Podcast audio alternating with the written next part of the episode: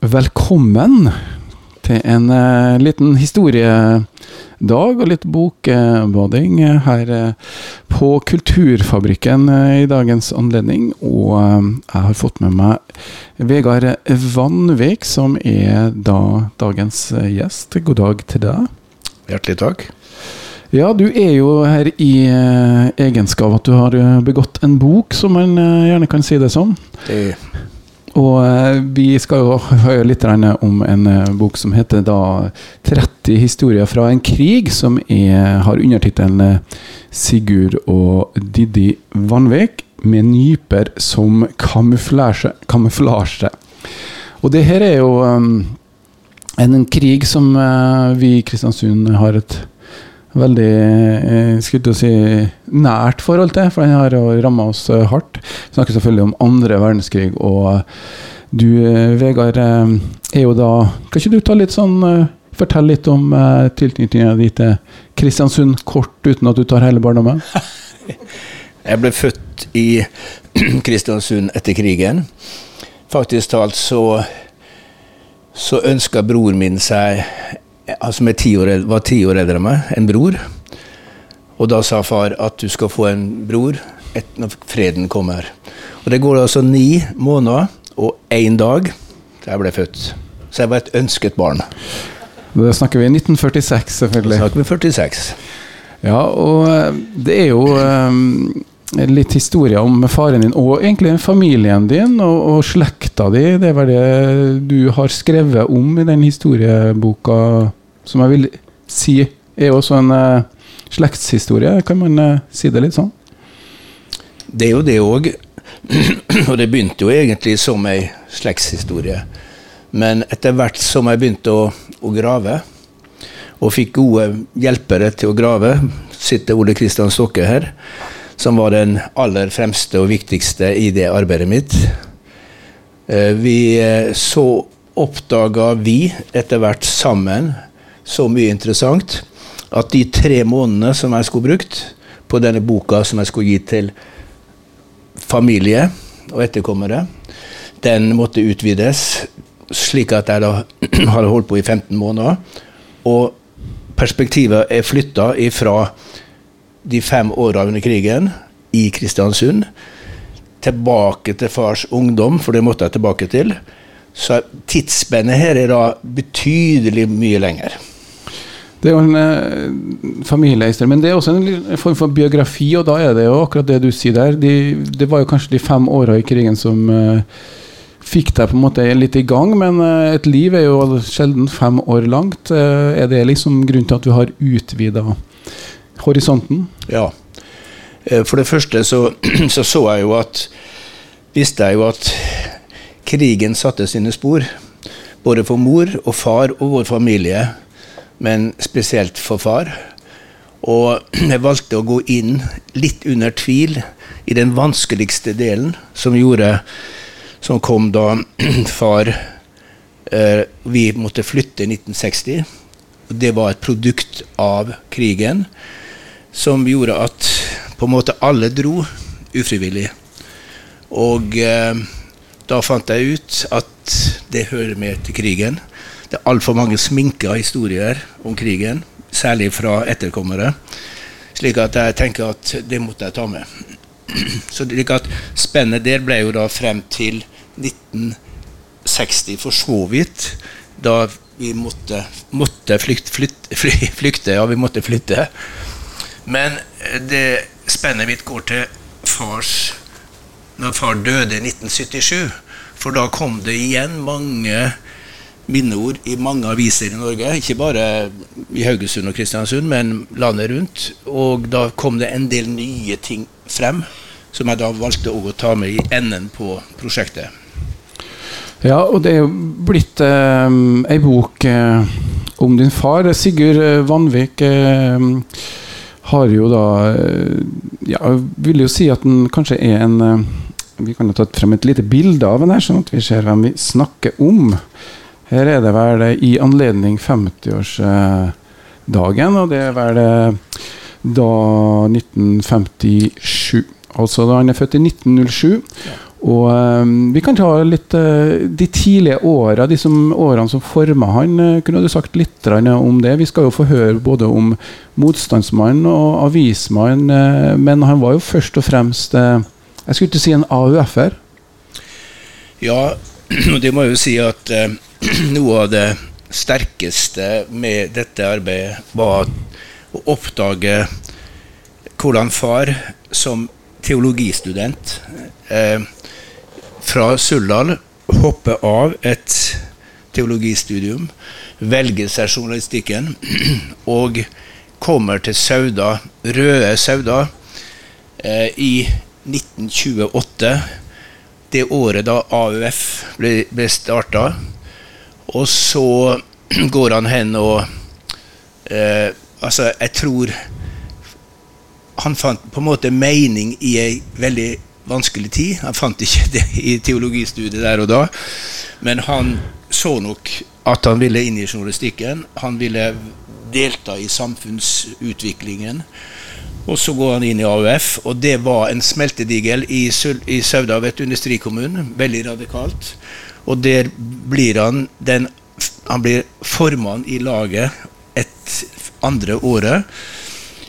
Og så går han inn i den agitasjonsvirksomheten som AUF drev for å opplyse folk om nazismen, fascismen, Hitler, for å prøve å få folk til å bli mer kritiske til det som foregikk.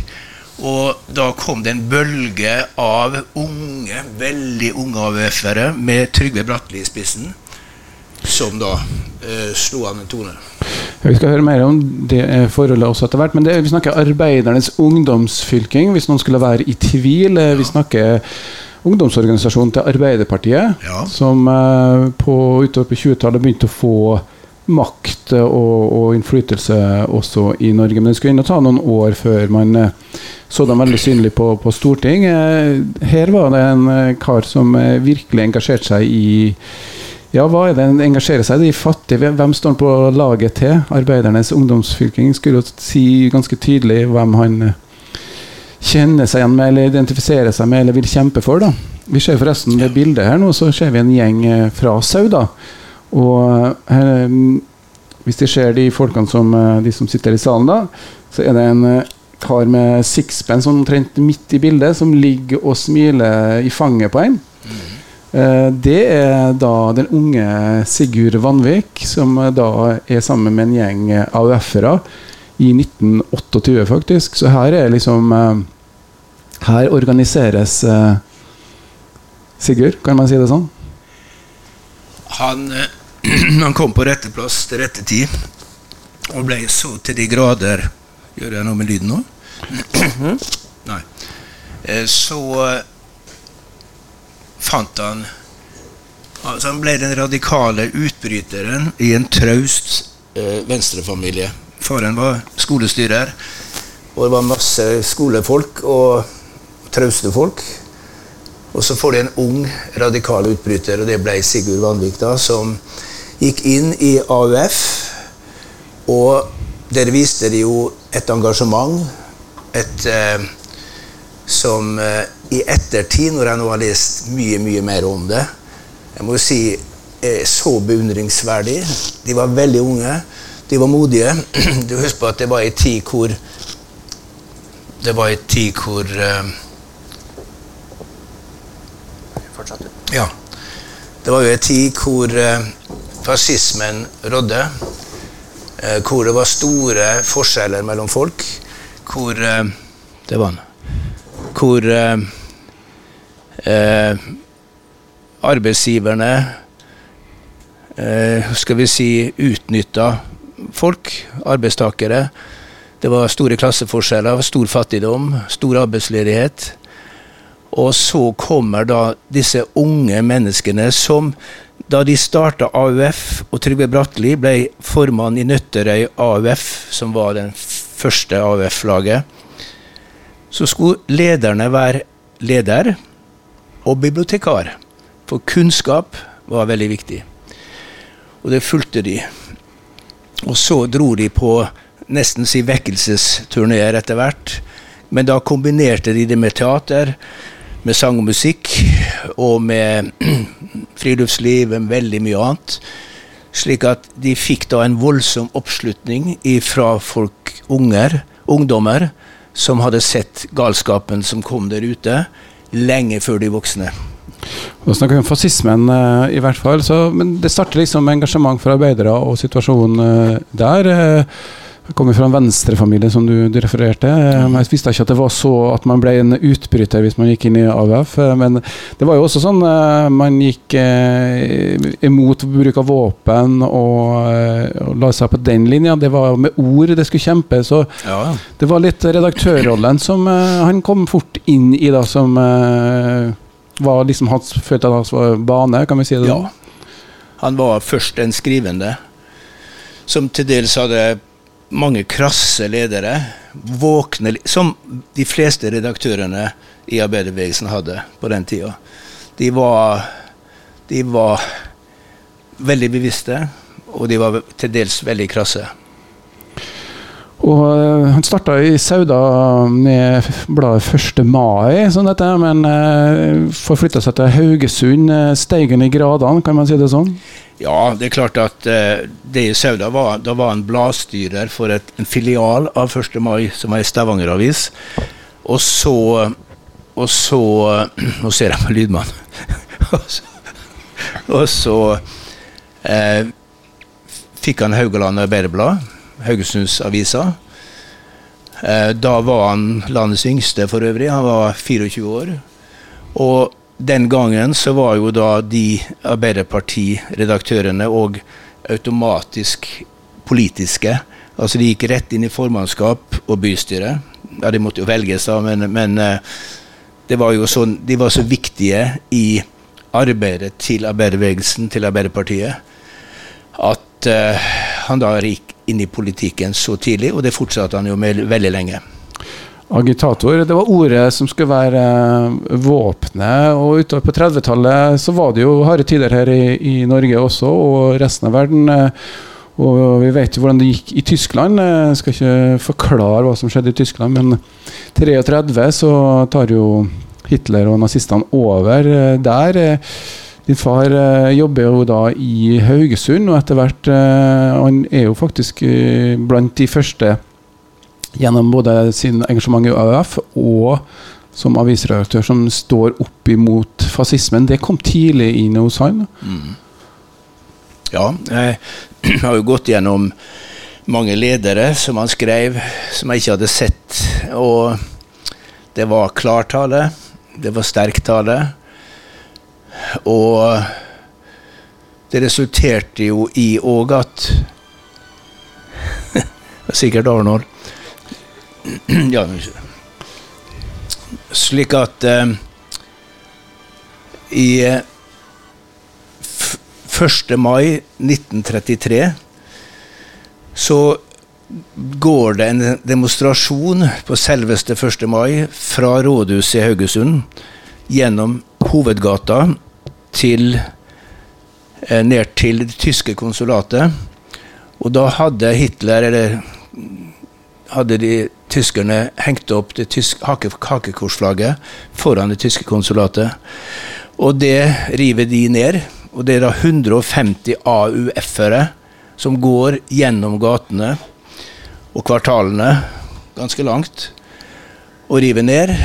Og det ble jo da den første demonstrasjonen i Norge mot hakekorsflagget og mot at Hitler den dagen skulle gjøre, gjøre 1. mai til sin arbeidets dag. Hvor de skulle knuse fagforeningene, og de skulle knuse organisa politiske organisasjoner.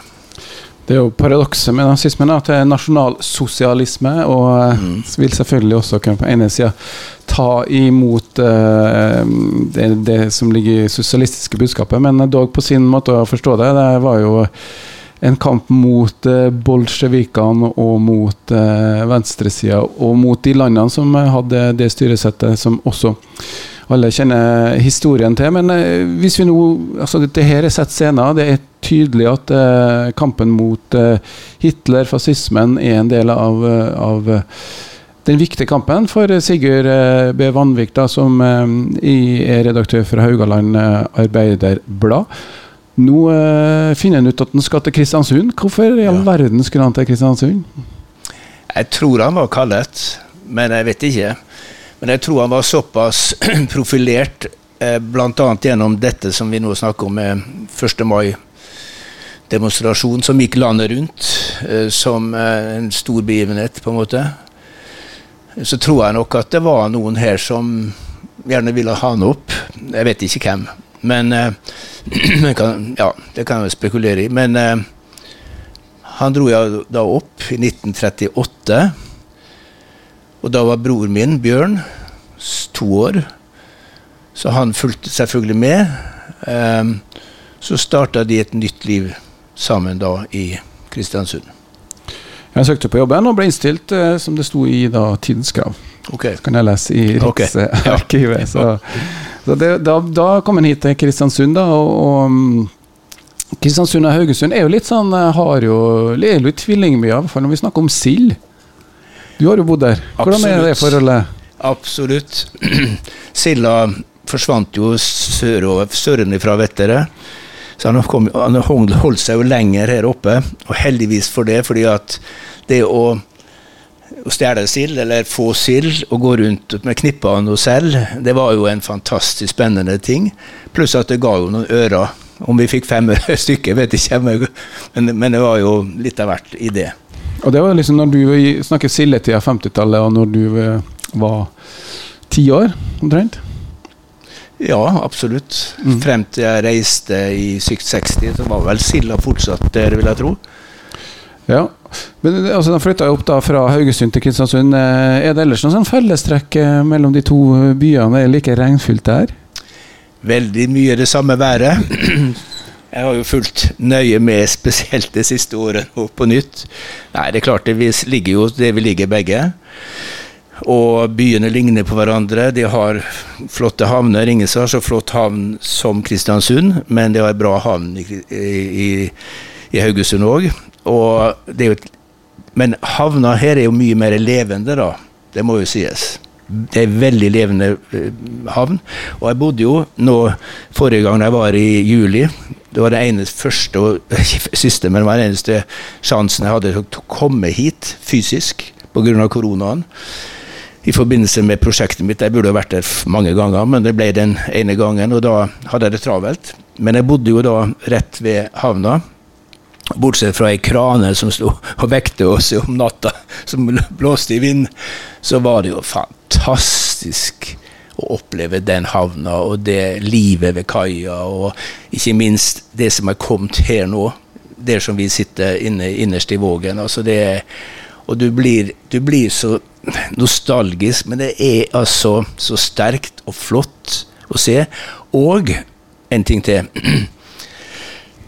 Da jeg kom tilbake her for 10-15-20 på jubileer og sånt, eh, så var det mye trist å se. Tomme butikklokaler, forfall, frafall. Da var det sentrene kom, det som de trodde skulle være lykken å lage noen supersenter, akkurat som de skal lage superkommuner osv.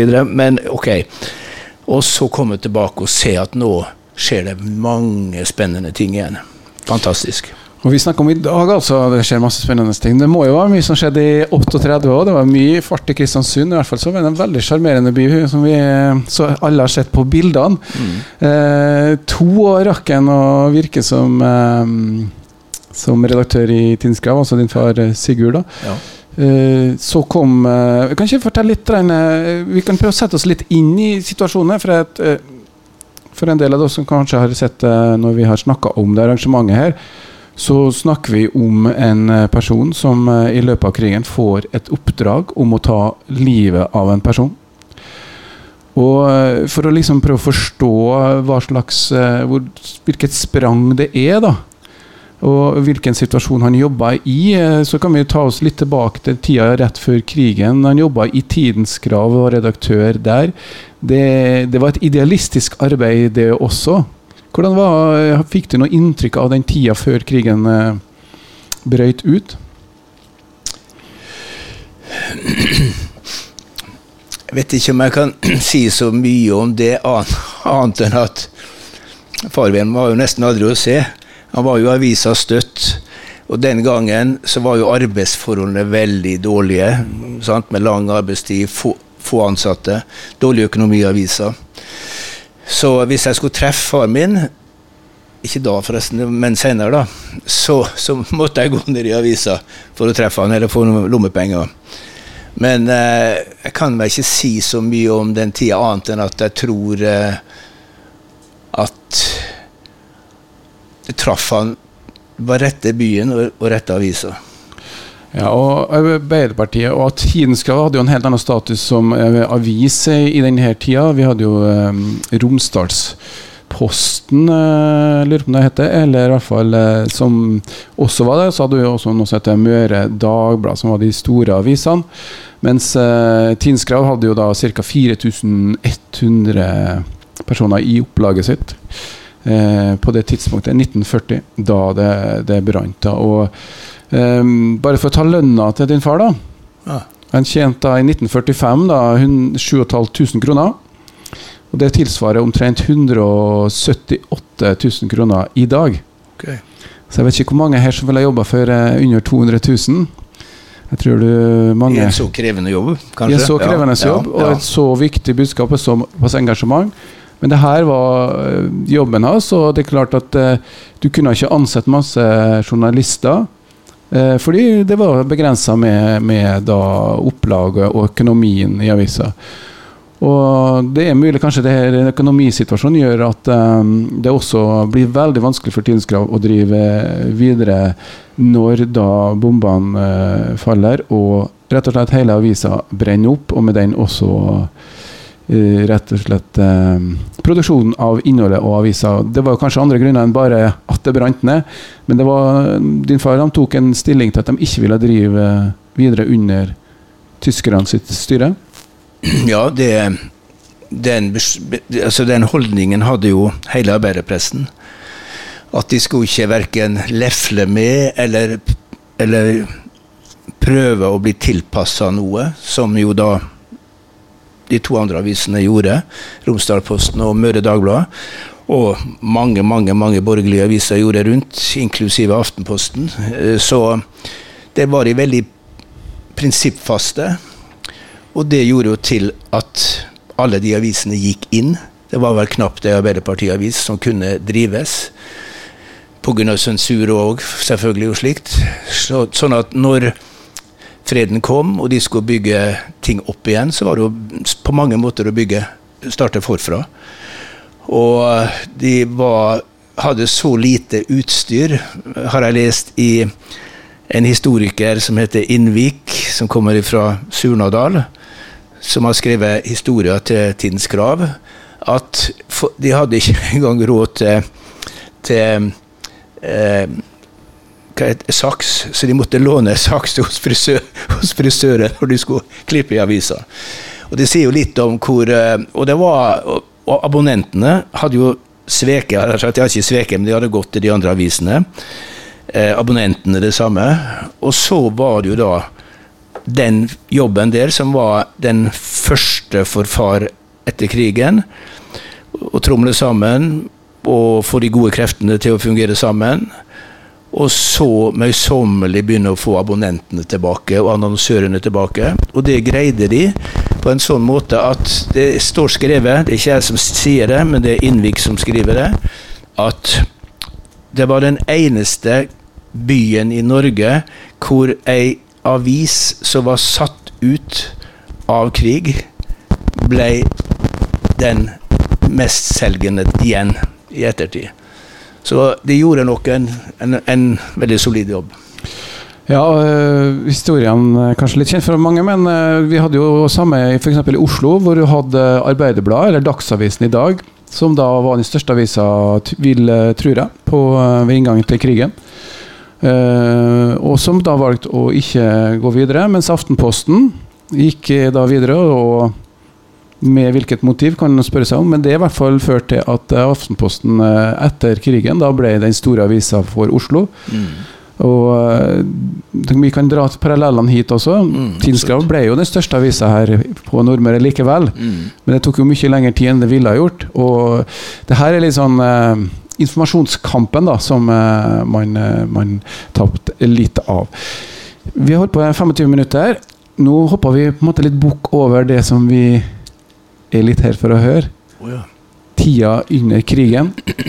Mm. Men eh, nå kan vi i hvert fall sette scenen for det som vi skal snakke om ganske så snart, da, men jeg tar en liten pause. Sigurd Vanvik er redaktør i Tidens Krav.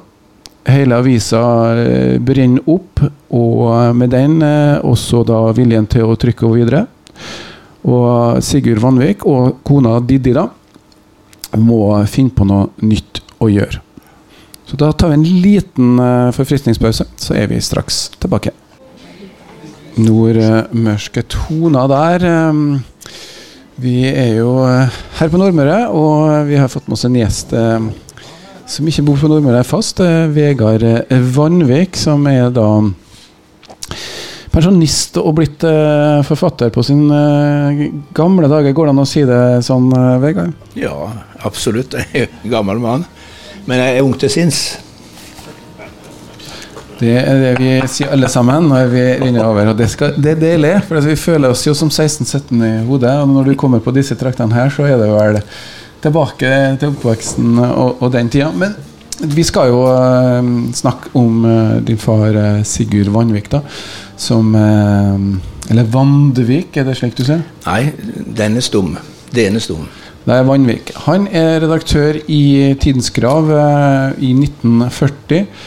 Og eh, den eh, slutten av april 1940 så kommer bombeflyene til Kristiansund og legger byen øde. Og de eh, legger også Tidens Gravs lokaler øde med alt utstyr, og avisa går inn.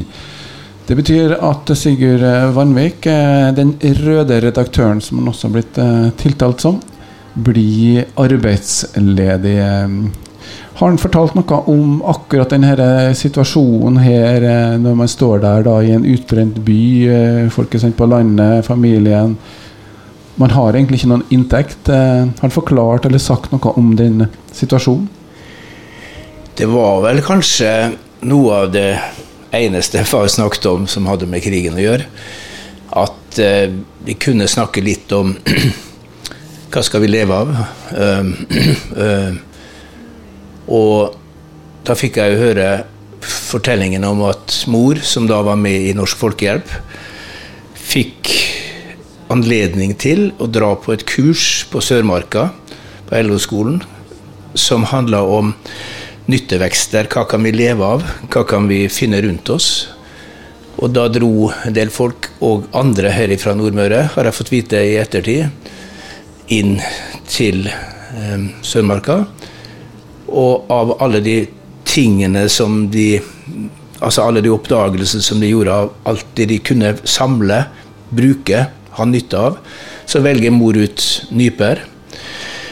Og så går de i gang med nypeproduksjon. C-vitaminer trengte de jo. Det var stinn av C-vitaminer.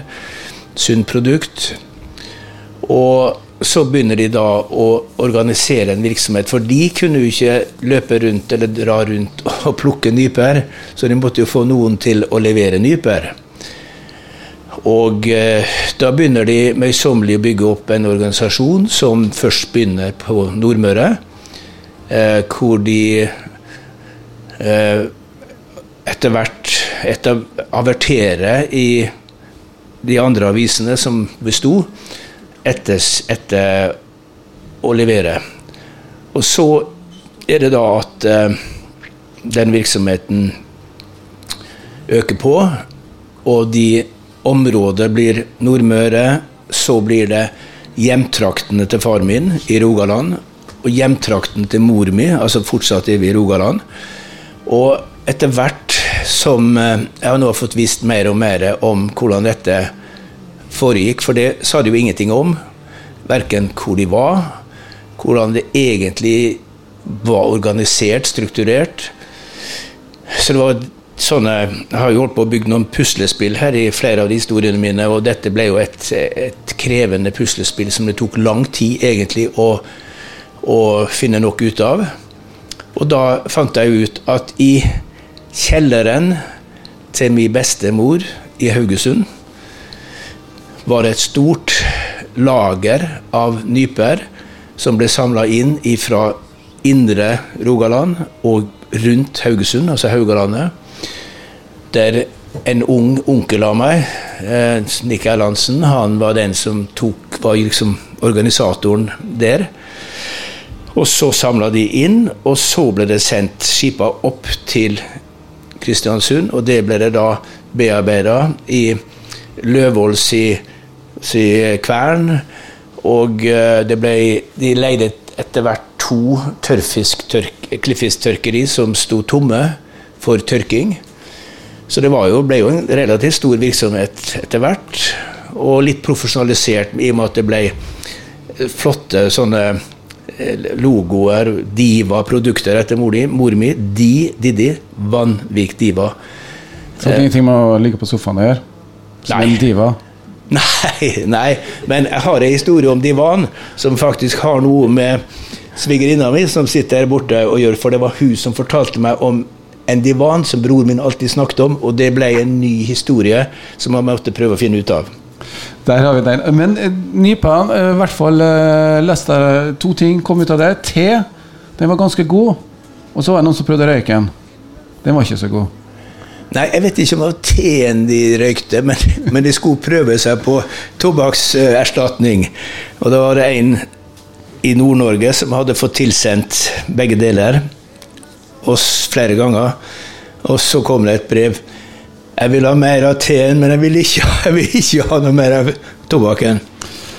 Nei, det var jo eh, de tid hvor man måtte ha erstatning av veldig mange ting. Eh, nypetobakk, eh, nypete er vel fortsatt noe vi drikker som er godt, faktisk også. Så den er sunt. Men det her er jo er noe som gir litt inntekt, har vi inntrykk av. Det er ikke det store inntektene av det. Men i ettertid så har man kanskje, i hvert fall du, spekulert i om eh, kanskje ikke det var nypevirksomheten som var det viktigste.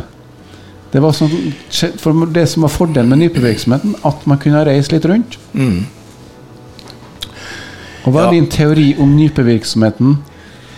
Altså, min antagelse, den ble etter hvert, når jeg forsto at jo mer jeg fikk vite, bl.a. gjennom Ole Kristian Stokke, min utmerkede hjelper, eh, så forsto jeg jo at eh, far kunne ikke jobbe i byen. Eh, han var jo, viste det seg, nummer to på Gister-lista på Nordmøre, og det samme på Sunnmøre. Det står Gestapo. Gestapo, og da visste jeg jo såpass, jeg òg, at selv om jeg ikke visste så mye til å begynne med, lærer jeg etter hvert, at hvis noen gjorde et eller annet fanteri som de skulle lage reprimande med, eh, jeg vet ikke ordet, men ok, og så tok de gjerne inn ti personer. Som da gjerne ofte ble skutt eller drept. Og der sto far som nummer to på begge de listene. Og det fortalte meg jo selvfølgelig en god del om hans virksomhet. At den var, som de sa i Krigsarkivet når jeg tok kontakt med de, at de visste han var sentral. Nordmøre Museum sitt arkiv? Ja. Men de visste, Nei, historielaget. Historielaget. De visste at han var sentral. De hadde de to kopier. Eller de, de visste at han sto på de to listene, og det ser mye. Men de hadde lite konkret. Og ja. Det ble tydelig for deg i hvert fall at det foregikk en god del andre ting eh, enn nypevirksomhet eh, hos familien eh, Vanvik. For din mor var også med Dette kunne de ikke gjøre Faren din kunne kjøre det liksom alene. Holdt på med nypevirksomheten. Én ting. Men vi snakker også her om organisert motstandsaktivitet. Mm. Uh, og du har jo da mm, Fordi de kan jo lese boka, og skal ikke ta alle historiene. Nei, nei. det, Det, er mange historier. det leder opp til det, men eh, hvis vi bare sånn forklart, da, så har vi jo på en måte flere motstandsorganisasjoner i, i Norge og i Kristiansund under krigen. Eh, men vi kan fall litt, skille litt mellom det som kalles for den militære, eller MIL-org, da, og så har vi den sivile, som kalles ofte Sivorg. Og der var din far eh, en av de som eh, gjorde seg fortjent til å være høyt på en liste. Forklar liksom hvordan var det man organiserte, eller sånn som du fikk kjennskap til det. Jeg kom jo over en attest som eh, far hadde fått av Erling Christensen. Og før vi begynte arbeidet, sier vi, for jeg innlemmer bl.a. Ole Kristian i dette eh, så, for Det er ikke noe one man-show, for å si det sånn. Så fant jeg en liten attest som fortalte at far var med å opprette, utvikle Sivorg og var med i Sivivåg og bygge den ut. Og han var med, og med i Milorg, og den Milorg har jo, var jo den organisasjonen som skulle, som skulle eh, ta seg av mer militære oppgaver, som kan vi gjerne si. Og så var òg med i XU, og det var informasjonsvirksomheten organisert der. Og i attesten så sto det jo da at far òg bisto motstandsgrupper. Og eh, enda noe annet. Eh, XU sa jeg jo. Eh, men i alle fall så var, kunne jeg, Sjøl når jeg var 14 år og kom over denne, så forsto jeg at oi, far vi må ha en tøffing. Han var med på mye. Men jeg forsto ikke helt rekkevidden av det den gangen. Nei, og Det er jo det som, har, eh, som boka også er. da, Litt eh, historien om hvordan du får finne historien. For det er jo, eh, som du har nevnt, eh, det ble ikke fortalt mye hjem til dere. Hva ble egentlig sagt? Av far Bortsett fra at du nevnte nypevirksomheten. Av far var, ble ingenting sagt. Bortsett fra ei uskyldig historie som kom etter krigen, da far og noen andre motstandsfolk ble invitert til kronprins Olav i Ålesund. eh, For, å, bli, for de var blant de som ikke ville ta imot medaljer. Eh, fordi de mente det var så mange helter. Og, men kongehuset da ville påskjønne en del folk likevel, av de andre som ikke ville ha glitter og stas. Og da, når de kom dit da, på et hotell, Grand Hotell i Ålesund, så sto, sto det på bordet eh, diverse godsaker. Og det viktigste, bortsett fra alkoholen, det var tobakken. Det var flott, store sigarer, og det var sigaretter. Og for jeg, meg da, som alltid tenkt, tenkt mye visuelt, jeg er jo billedkunstner òg, blitt, eller er, så, så så jeg på en måte det derre Så sier hadde det blitt vite av adjutanten at uh, ingen gjorde noe før kronprins Olav gjorde noe. Så vi satt og venta på at han skulle røyke, og heldigvis så var han jo røykesjuk han òg. Så da den første sig- sigaren ble tent, så sier far, og da, det har jeg tegnet, og det er jo i boka da var det 20 never, eller 20 par never som strakk seg ut og tok en sigar. sigar. Den fortalte han. Ja, og det er jo klart at jeg hadde røyka nype i fem år, så skulle det smake med en ordentlig sigarett. Eh, det- det- Den, den skjønner vi. Det, men det er jo en uh, hyggelig, morsom en historie da som forteller egentlig mye på sin måte. For du blir ikke invitert til kronprins Olav uh, hvis du har båret noen brev rundt i Kristiansund. Det er noe mer som Nei eh, må til her. Og du har jo da Ja. fortsatt den detektivhistorien. Eh, og jeg kan ta en annen historie som du fant gjennom en annen kilde også. Det er historien om uh, sild til Jøssinga. Sild og skarv. Ja, det må jeg jo si at uh, Når jeg ikke hørte om han, jeg leste om det faktisk. fordi at i, når jeg skulle begynne å finne mine kilder, så gikk jeg til bokhylla. Vi hadde jo svært, masse bøker, avismann. Og der stakk farov til A inn et, ark, et, noe som han ville ta vare på. Og hvis de var spesielt viktige, så var de høyt oppe. Og jeg fant jo veien opp. Så jeg fant jo etter hvert, eh, da jeg var liten òg, f.eks. ei liste over de som fikk nazidommene i, i byen. Far var jo òg med å dømme dem, for han satt jo i lagretten. Så satt han med en kopi av den lista over de som var der. Og, og, men så sto det da ei bok av en forfatter som brukte Han heter Arne Falk. Han har brukt, boka het 'Frifants epistler'.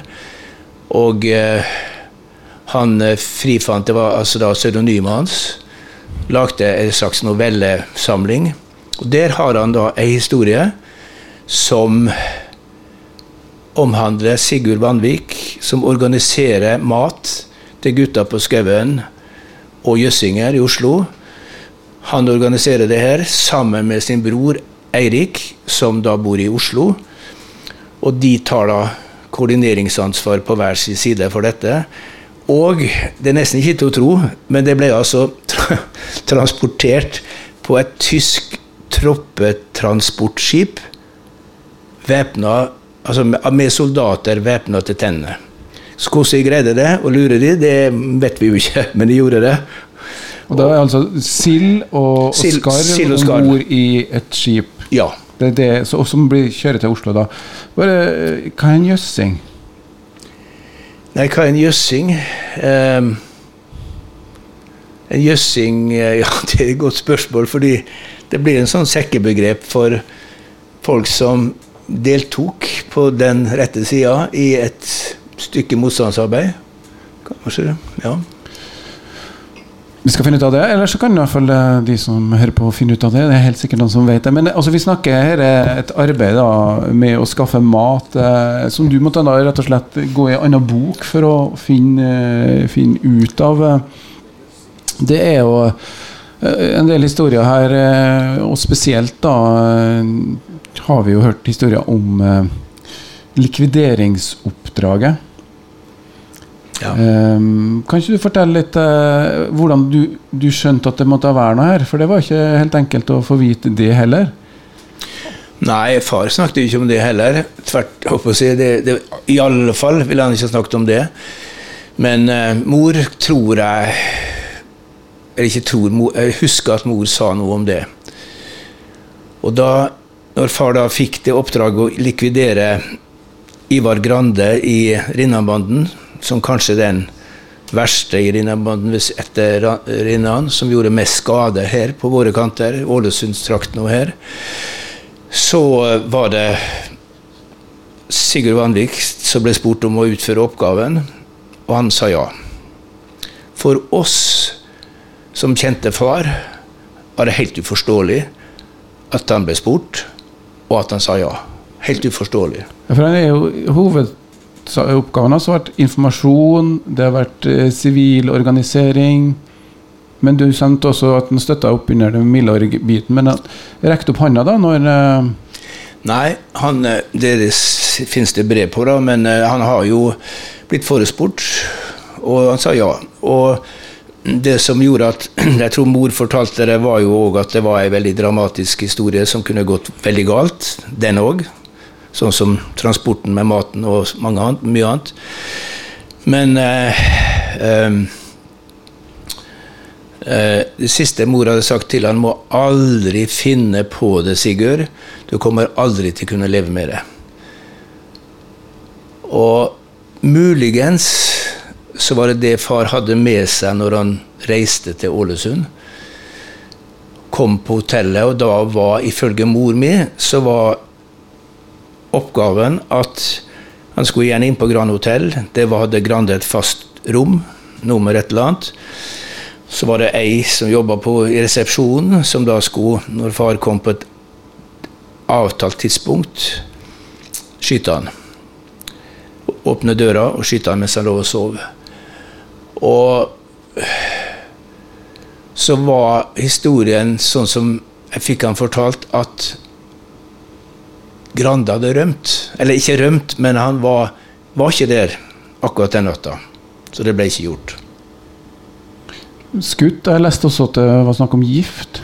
Så viser det seg at historien var jo ikke sånt. Nei. For her sier et dokument i eh, Krigsarkivet at far gjennomførte ikke oppdraget. Altså han unnlot å gjøre det.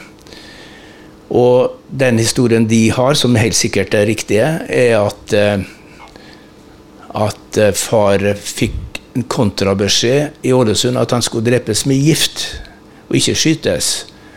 Og da er det ifølge da dette brevet som jeg har fått sett, så hadde far sagt noe sånn som at nei, jeg, kan jeg vil ikke på den måten, hadde han sagt. Og så ble det at han unnlot. Og det ble faktisk Altså, de var jo veldig skuffa. De visste jo i historielaget i Krigsarkivet at far hadde vært sentral. Det ordet gikk igjen mange ganger. Han var sentral. Og de to tingene jeg nevnte med de to eh, ti, ti, på topp, eller nummer to på topp på de listene, det sa veldig mye. Men de hadde lite konkret. Og eh, da var det de trakk så, i 74, så går historielaget i gang med å prøve å samle inn informasjon fra de som hadde deltatt i motstandsarbeidet. Og de skulle skrive sjøl, men det kom ingenting fra journalist og redaktør Sigurd Banvik. Og da trekker de den konklusjonen at sannsynligvis så ville han ikke svare fordi Altså på en måte at det var flaut at han unnlot. Eh, det, den konklusjonen trakk de da. Og det må jeg si at det syns jeg var en tynn, tynn, tynt resonnement. For når jeg tenker på alle de skarpe oppdragene far var oppi, alle de alvorlige tingene, hvor mange eh, mye, mange mennesker var, sitt far, livs var, var i fare. F.eks. den transporten med mat. Hvor mange var ikke med på den transporten? Det var en svær operasjon, bare, bare den ene der. Så tenker jeg at det var en, eh, en forhasta konklusjon, men greit nok. Ja, bare for å nyansere litt her, Det var ikke uvanlig at man hadde flere grupper som jobba mot uh, det samme objektet. Fordi man visste at én uh, ting var at det rent praktisk ikke alltid var mulig at man påtraff vedkommende man skulle ta livet av. da, Men det også var det, vel mye mer vanlig enn vi ser på film, i hvert fall at man fikk eh, rett og slett moralske kvaler ved situasjonen. Mm. Mm. Og risikoen var vel kanskje ikke det å ta livet, men det er jo bare det å dra ned til Ålesund. Være i, på et rom Vi snakker om en person, Iver Grande. Og han har, tror jeg gikk rundt med ei metallplate på ryggen. Sånn at han aldri skulle bli skutt i ryggen, f.eks. eh, og, og, og det her er 1944. Det er høsten 1944. Eh, og utover eh, på Milorg og motstandsorganisasjonen i Norge begynte jo ikke med likvidering og sånne ting før eh, det var noen få i 42, og så tok det seg litt opp i 43. Og så kom det noen ganske mange i 44. og Man strides litt om antallet, men det kan være snakk om i hvert fall en 60-70 totalt, som er i hvert fall bekrefta. Så skal man ikke si det ene eller andre. Men også Iver Grande og Rinnamannen det var personer som eh, sto eh, da klar til å rulle opp og hadde lister. De hadde, han, Ivar Grande tror jeg nok hadde ei liste med folk liggende. Eh, som man da skulle ta, ta tak i. da. Så um, det her skjedde jo utover på høsten uh, to, uh, 1944. Og jeg tror i desember så greide man jo også ta livet da av uh, Ivar. Uh, Grande. Så det er jo vi, Jeg tenker liksom eh, Vi er, skriver i avis. Vi samler nyper, får ting til å surre rundt, får mat på bordet. Og så skal vi dra ned dit og ta livet av et menneske. Ja. Det, det det er en ganske langt sprang, eh, i hvert fall eh, moralsk, eh, da. Og han unnlot, da, som du sa, men det kan være praktiske årsaker og mange ting rundt det. Men han, den historien her fikk du jo også tak i via en, en annen kilde, for han har jo fortalt historier til noen. Jeg tenker da på journalistkollegaen i Ja, Rolf Øvrum. Du kan si at eh, jeg har på en måte tenkt Eh, når jeg, når jeg holdt på, at jeg har to Det ble to store historier for meg, da. som var viktigst, det var nypene. Å finne ut av hva ble de brukt til. For det ikke bare ante jeg, men jeg forsto jo at det må ha vært brukt til illegalt, illegalt arbeid. Men her var det jo ikke noe håndfast. Den andre historien var jo det med Trygve Bratteli, som du sikkert vil komme inn på etterpå. Eh, kontakten mellom Trygve Bratteli og far, som jeg tror gikk langt tilbake. Men, men eh, jeg fant jo litt her og litt der igjen i et sånt puslespill, for jeg føler jeg har jobba med mange puslespill, hvor en liten brikke av og til sammen med en annen eller en tredje, som kanskje barnebarn har kommet med, eh, eller altså neste generasjon har hørt noe, og plutselig så er det noe som eh, klaffer sammen. Eh, så, så gikk jeg gjennom gamle avisutklipp, for det hadde far som pressemann eh, liggende. Nede i kjelleren i en eh, fallert eh, pappeske. Det hadde jeg jo sett før. Kikket gjennom det på nytt. Og så dukker det opp et flott minneord av en journalist i Rogalands Avis, som faktisk òg hadde vært innom Tidens Krav, Rolf Øvrum, som for øvrig senere ble redaktør i mange aviser, men òg generalsekretær i Redaktørforeningen. Så ringer jeg han. Jeg har aldri snakket med han før. Han bodde på Hamar. Og så, så i hele tida så er det dette med Jeg hørte liksom fra Krigsarkivet med Sira, da, som er en, jo en formell mann og korrekt mann osv. Men ja, men bevisene, hvor er bevisene? Og jeg syns jeg hadde sannsynliggjort den ene historien etter den andre. Men ja, men hvor er bevisene? Var synd ikke far din skrev noe ned, kom han med støtt og stadig. Så jeg ble jo lei av han sier da etter hvert. kan si, Han sikkert av meg òg. Og så, og så uh, tenker jeg hva, kan, hva, har du å huske om faren min? Så det første han sier, oh, Sigurd Vanviksson. Han hadde vært hjemme hos oss i Kristiansund, Kristiansund, Haugesund så mange ganger. Spilt blanda ball og sildball og masse, masse spennende fiskeretter. Og så hadde han Det var noen journalister i Kristiansund på slutten av livet til far som kom til far som Han var en liten guru. At de kom der og diskuterte journalistikk og sånt. Og han Rolf var jo en av de òg. Og så sa, han noe mer om eh, hva han holdt på med under krigen.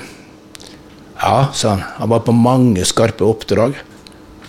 mange skarpe oppdrag. Jeg hadde hørt om ett. sant? Å ja, var med livet som innsats mange ganger. Ok. Eh, og han husker det 45 år etter, krystallklart. Eh, sikkert fordi han har en skarp hjerne og god husk, men òg fordi han kom fra Levanger, og hans familie var engasjert i krigen på rette sida, men de var naboer til Rinnan. Så for han var krigen veldig, veldig eh, Veldig eh, spennende, selvfølgelig, som det var for mange, men kanskje ekstra mye. Og så sier jeg ja, Husker du noe spesielt? Så kom den Ivar Grande-historia. Så kom det faktisk en historie til, og den har jeg ikke vært i nærheten av å få verifisert noe om, og Rinnan. Så jeg var i tvil om jeg skulle skrive om han, fordi at der var det bare en, slags løs historie. Men, men, eh, så kom det, da, at eh, at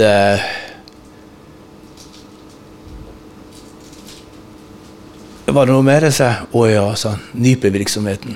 Genial. Fantastisk.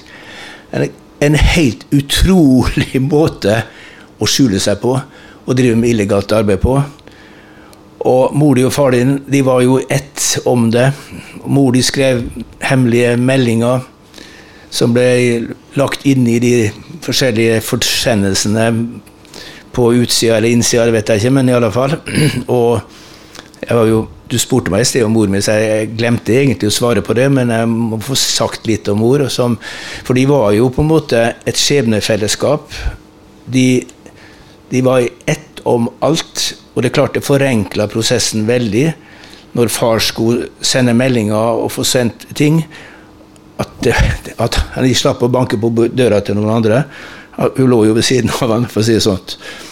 Men, eh, men det var Jeg må si det var en stor lettelse fordi at det ble den logiske forklaringen. Og Ole Kristian igjen hadde jo tenkt det samme.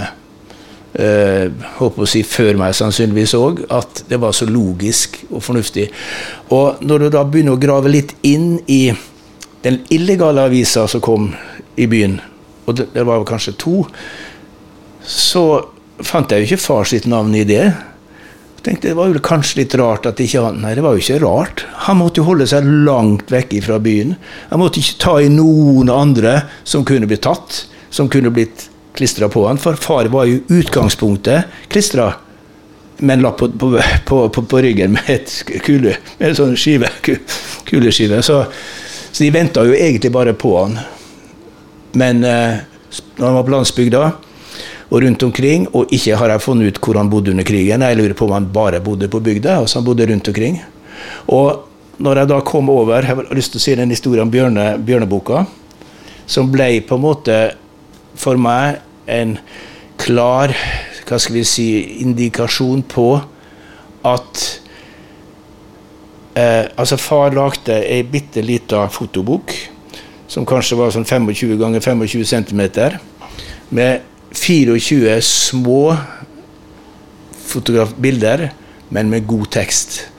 Og den boka ble kalt for Bjørneboka. Den ble lagt to av for øvrig. Den ene gikk til besteforeldrene, eller hans foreldre på Sand. Og den andre gikk til bestemor mi i Haugesund. Og det står det under et bilde av Bjørn. Så står det Far kom og besøkte oss. Da bodde de altså inne på Frei. Far besøkte oss på søndagene, for han hadde det så travelt i byen med avisa. Avisa var brant ned, eksisterte ikke. Han var ikke med i noe avisdrift i det hele tatt.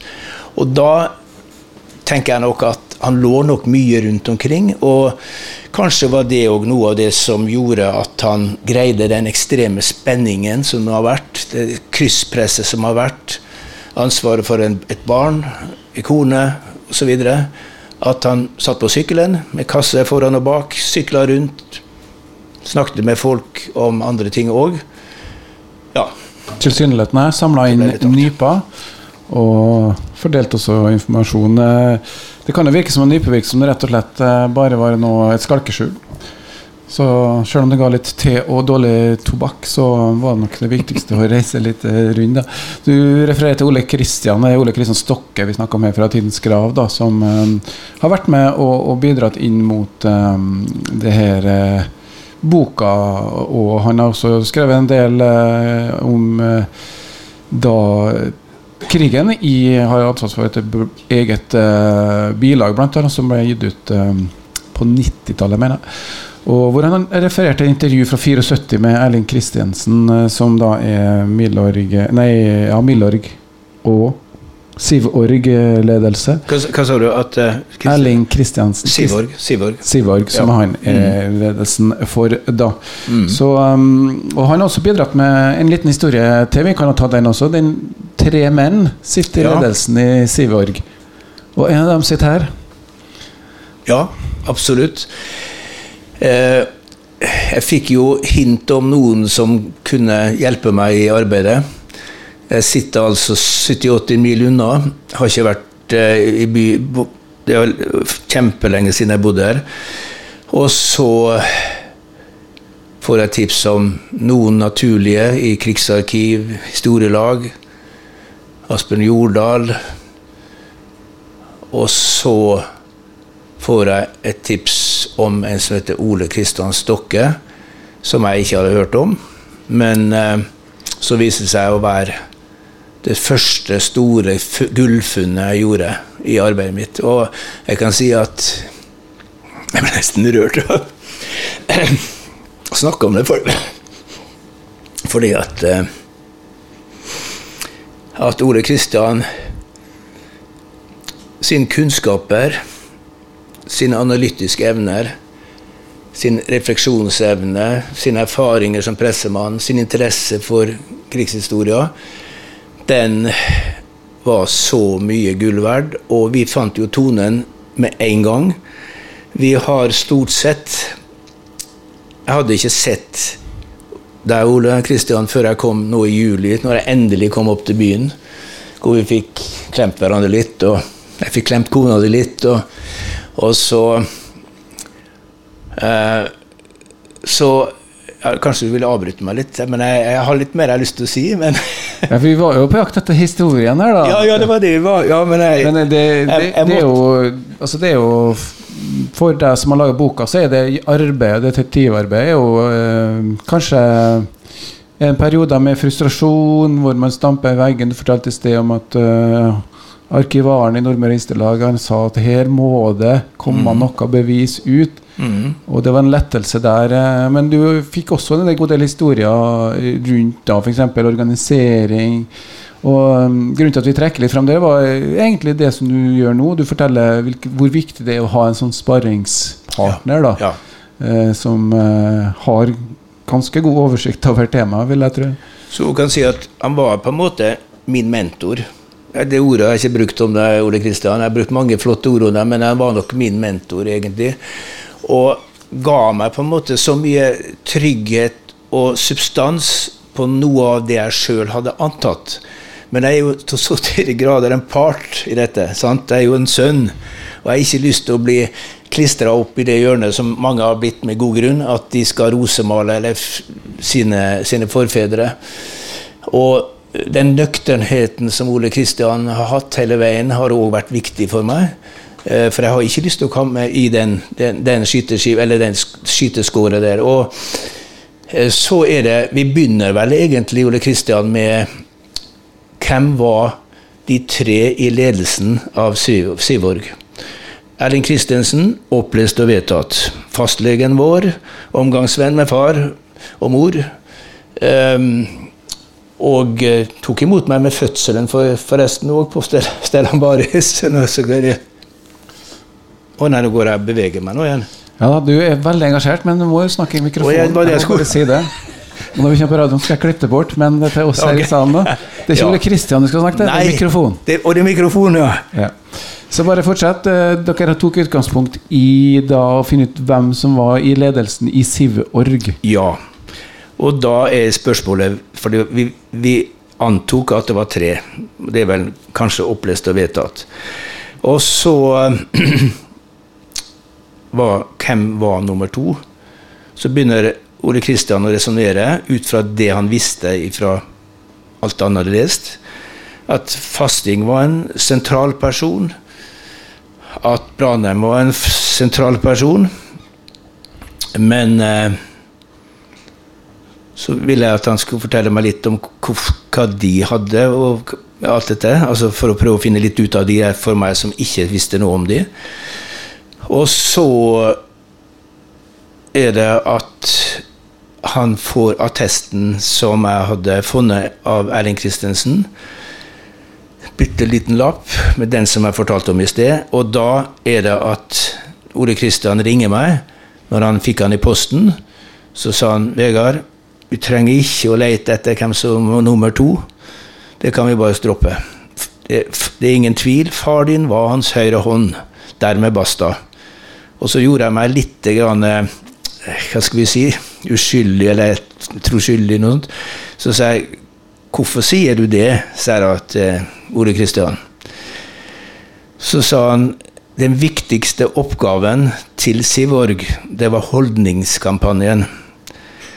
At de skulle informere og, og sørge for at folk fikk så mye god informasjon som mulig, og at de skulle unngå å bli ført inn i de naziorganisasjonene, eller inn i, over til nazi, NS. Pluss at han var redaktør, meget skrivefør. Han trengte en skrivefør. Han var òg god å snakke for seg, og det og så videre. Uh, og så uh, Nå nikker jeg jo til det. Jeg hadde vel innerst inne tenkt den tanken sjøl òg, at far var så sentral. Ikke minst ut fra denne testen. Men så var det neste spørsmålet Ja, du, Vi skulle fram til et navn, og nå, vi bare, nå må vi oppsummere her. Okay, Eh, ja. Hvem er den tredje mannen som sitter på skjermen vi ser på her? Det er en tidligere bankkasserer, Asbjørn Kroksrud, som var en barndomsvenn av, av Erling Christensen, som delte et par av Erling Christensens lidenskaper, klassisk musikk, og eh, sjakkspill. Bridge. og bridge. Og den delte jo far og med de, så de hadde jo de- ti tingene der. Ikke klassisk musikk nødvendigvis med far min, men de andre hadde jo far òg. Og de var omgangsvenner. Og når jeg da leste, kom over et avisutklipp eh, i den, ja, avisutklipp, hvor et minneord over Erling Christensen som var ført i pennen av Asbjørn Kroksrud, så sa det pling for meg at det viktigste, noe av det viktigste Erling Christensen, som ble berømt for å holde kortene så tett, noe av det viktigste for han, det var tillit, tillit, tillit. Han måtte kjenne de bunnsolid rundt seg, og da er det jeg bringer inn Asbjørn Kroksrud, og da sier da sier nok Ole Kristian, om han ikke sier Heureka, så sier han et eller annet. Helt enig. Helt enig. Ja, og det er møysommelige arbeidet som du har eh, lagt ned sammen med alle dine gode hjelpere. Vi skal ikke ta alle historier, for vi må spare litt til boka også. Um, så jeg skal bare um, ta litt uh, summarisk over et par andre situasjoner. Da. Så kan det jo nevnes uh, bl.a. at um, en artig historie om et bridge uh, et, altså, Jeg må ta oppsummere, fortelle litt kjapt der. Altså, Pga. situasjonen strammet det utover i 44, og på våren og rundt nyttår eh, 45 antar eh, vi da, så må din far gå i dekning. Eller så har han allerede vært i dekning lenge, men i hvert fall så havner han på Eide. Og der eh, er han eh, i skjul da på ei hytte hos noen venner som heller ikke har fortalt noe om det her. Men eh, hvor han da rett og slett ikke greier å holde seg. Vi snakker i slutten av april, eh, begynnelsen av mai i 1945. Og drar til Kristiansund for å spille bridge, for det må han eh, bare gjøre. Det kan de lese om i boka, men det er litt fascinerende hvor da skjønner man etter hvert at eh, det letter seg, og at det kanskje den politimesteren som det prøver å arrestere dem, kanskje ikke har så mye å si om noen måneder. Så den bør du få med også da. Men eh, jeg har lyst til å, vi må snakke litt om etterkrigstida. Eh, Skal ikke, lese, skal ikke gå i detalj på det nå, men det er en spesiell tid etter 1945. Eh, Økonomi, vi nevnte men det er, tung tid for å være bladfyk eller redaktør av Tinskrav. Og kan ikke du bare fortelle litt sånn om de årene som er etter krigen, og situasjonen som er litt sånn etter freden inntrer, da? Da går jo, som jeg nevnte i sted, far eh, rett inn i jobben med å, sammen med de andre, eh, å bygge opp avisa. Og så greier han å få han opp å stå sammen med de andre i 1953. Eh, men så var han jo politiker før krigen, og han fortsetter etter til krigen. Ulrikke Olsen blir vel da stortingsmann rett etter krigen. Far var første varamann for øvrig, men han møtte aldri, fordi Ulrik Olsen hadde aldri frafall, forfall. Men, men eh, så, så eh, er det jo gjenreisningsbyen. Vanvittige oppgaver. Altså jeg må jo si, når jeg så noen av bildene, så tenkte jeg er det Hiroshima?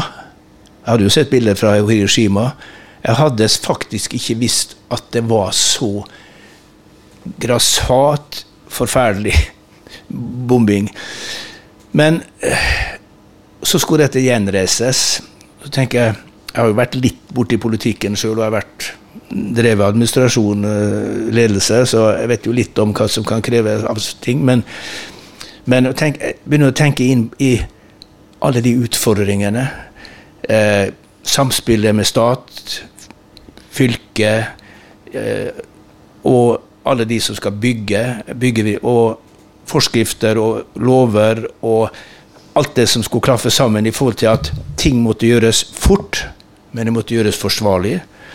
Og så ser jeg jo da at far For da begynner jeg å nøste. Hva komiteer var han med? Hva plan osv. Så, videre. så fant jeg noe her Nei, nå må jeg holde for her. Så fant jeg noe her og noe der. Og så så jeg jo at far var med i veldig mange byggekomiteer. Veldig mange plankomiteer. Og i formannskap eh, og i finansutvalg. Bla, bla, bla. Og rettsoppgjør, eh, lagmannsrett eh. Det òg, ja. Så ble det jo en ekstrem påkjenning, selvfølgelig, når han da både skulle prøve å få avisa opp og stå de årene det tok, eh, samtidig da være en av gjenreisningsgeneralene, må vi nesten si. Fordi det var jo noen i den politikken som tok større byrder, som tok større oppgaver. oppgaver. Og det var far en av, helt sikker på. Så da var vi altså over i politikken. Um, så fra 1950 så slutter han å være redaktør i Tinskrav men går over og blir sosialsjef, kan man si det sånn? Ja, så ble han sosialsjef. Og da sier han jo sjøl i et brev som jeg fant eh, etter han, som var et veldig sterkt brev og et vanskelig brev å lese. Første gangen jeg leste det, var jeg bare 14-15 år. Og jeg har vel nesten ikke lest det før jeg nå begynte å jobbe med, med dette. Og da tenkte jeg at jeg blir nødt til å gå inn i det aller vanskeligste. Og det var at Altså Han kom jo inn som sosialsjef i 53, og de skulle reise alle disse institusjonene. De skulle bygge velferdsstaten. Det var fullt av utfordringer. Byen var en fattig by. Eh, og eh, det var tøft å være sosialsjef. Og han skriver sjøl at jeg gikk fra asken til ilden. Da jeg gikk fra politikken og avisa til sosialsjef. Men han var der. Og så eh, er det at han At han ja Han begikk antageligvis et underslag. Det er ikke verifisert skriftlig. og Han ble ikke oppsagt, men han måtte gå fra stillingen som sosialsjef. Eh, stort nederlag. Karrierestopp, selvfølgelig, og alt dette andre. Men de måtte da, syns de, reise fra byen. De reiste til Haugesund. Sendte meg av gårde først fordi at eh, de trengte å ordne opp i mange ting pga. dette her. Far ble jo ikke rett i, død, i dep dyp depresjon. Altså lå i senga hjemme, men eh, var deprimert. Og da snakker vi 1960, da vi, og du er 14? Da er vi 1960. Så sender de meg på en eh, TT-treff, altså tenåringstreff, på Madla i 1960. Ja, og skulle jeg bo hos bestemor mi første halvåret. Uh, og Ingen sa noe. Ingen fortalte meg hvorfor vi skulle reise. Men vi kom antageligvis til å flytte til Tønsberg. For far hadde søkt på stillinger noen plasser, bl.a. som sosialsjef i Tønsberg, en rik kommune, Høyre kommune. Eh, men noen hadde snakket. Ordene gikk foran han, så han fikk ikke den jobben. Og han fikk ikke noe annet, Så det var en form for yrkesforbud som gikk videre. Og så er det at når far og mor kommer tilbake, da, så velger far Han var jo fortsatt deprimert og ute av det. Mor begynte å jobbe og hadde veldig godt av det, og, og, og så videre. Men far gikk jo det hjemme en stund, før han begynte og gikk tilbake til journalistikken. Først som som eh, ikke si lærling, men først som eh, deltidsarbeider. Frilans. Frilans. Og så gikk han raskt over i, i, i, full stilling. Så fra å være en helt etter motstandskamp, mm. så går han fra asken til ilden. Mm. Jobber i Kristiansund kommune. Og um, i 1959-60 da, så um, begår han underslaget. Vi kan jo ta noen summer. Det er snakk om 3000 kroner. Det er dine kilder, da. Og, um, ja, det, det, har jeg skriftlig, men det har vi. Ja, og Vi snakker da om i kroner i dag 40 000 kroner. Ja, altså Det fortalte far at Han hadde hjulpet en relativt stor familie i byen over til Amerika, som skulle gjenforenes med familie der. Og så hadde jo da sosialkontoret da eh, hjulpet de med, med betalinga. Så kommer det en, et brev med en sjekk i hjem til far, privat, i Langveien, 81. Og eh, i et svakt øyeblikk, eller et anfall av kanskje litt desperasjon over at han Pga. at han ble Det tror jeg ikke vi snakket om. Han ble jo han ble altså så Det er en del av den fortellingen at han ble jo etterlignet etter krigen for 5000 kroner. Fordi de trodde han, de drev så stor lukrativ eh, virksomhet at og, det, ja, og, og, så ble han etteranmeldt. Og det sleit han med, skriver han, forteller han, skriver han, alle år. Så han skjøv på de problemene hele veien. Og så, på slutten av den tida der oppe, så skriver han sjøl at at han var veldig sliten. Eh, jeg tror nok han hadde begynt å få noe sånne som vi kjenner til fra krigen, at man får eh, noen traumer eller eh, slike ting. Og så ble han sannsynligvis da frista til å bruke de, eller ble han ikke sannsynlig, ble han frista til å bruke de, til å lånta de, som var uttrykket. Men det ble da ikke sett på med den godviljen, og heller ikke sett på i den andre større sammenhengen som kanskje handler om forståelse, tilgivelse, bla, bla, bla. Men som fikk det ja, det dramatiske resultatet. Det var jo kanskje en spesiell stemning i byen også. Man satt jo og skulle forfølge en god del NS-medlemmer. Hvordan har, eh, har det påvirka, hvis vi skal forklare noe, eller prøve å forstå? Jeg vil korrigere litt, fordi jeg tror ikke far, og for så vidt ikke de andre, var opptatt av å forfølge NS etterpå. Men, men NS-folk, en del NS-folk, vil ikke glemme. Og de var veldig opptatt av å og skal vi si, prøve å reinvaske familieæra, familienavnet sitt. Og det skriver jo far i dette sterke brevet som jeg da leste, som jeg selvfølgelig fortsatt har, og jeg skal vel gi det over snart kanskje til uh, arkivet.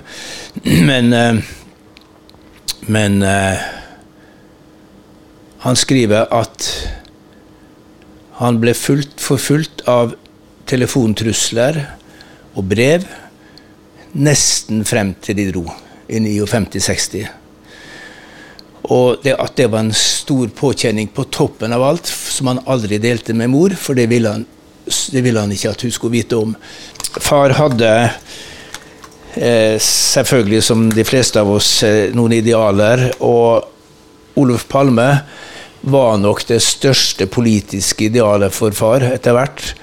Det at denne veldig radikale eh, radikale politikeren ikke dilte etter USA, ikke hoppet etter USA, at han sto, sånn som Canada til dels gjør i dag, eh, for sitt, sto på sitt, og ikke ble løpegutt for stormakter, enten det var på den ene sida eller den andre sida, men i dette tilfellet er det jo USA vi snakker om.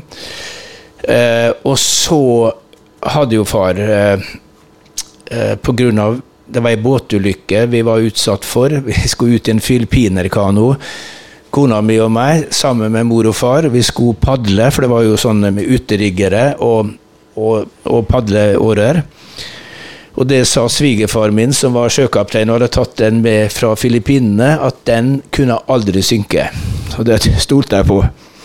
Så de, de, eh, de uh, uteriggerne, de, de der tømmerstokk... De der uh, stokkene, eh, ja, eh, de som de skulle flyte opp på, de var da knytta. Og når vi kom midtfjords, så blåste det opp, og bølgene slo opp i båten. Og begynte, den begynte å, å, synke, og så begynte de der eh, bambusstokkene å gli ut av. Far kunne ikke svømme.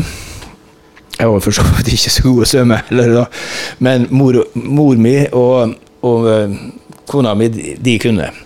Slik at de satt da de, de, vi, vi, tre gikk ut i sjøen, og far og vannet steg. Og må, jeg måtte pinnholde på min tømmerstokk for at ikke den skulle gli vekk, for da hadde nok han gått under. Og de pinnholdt på, på den andre.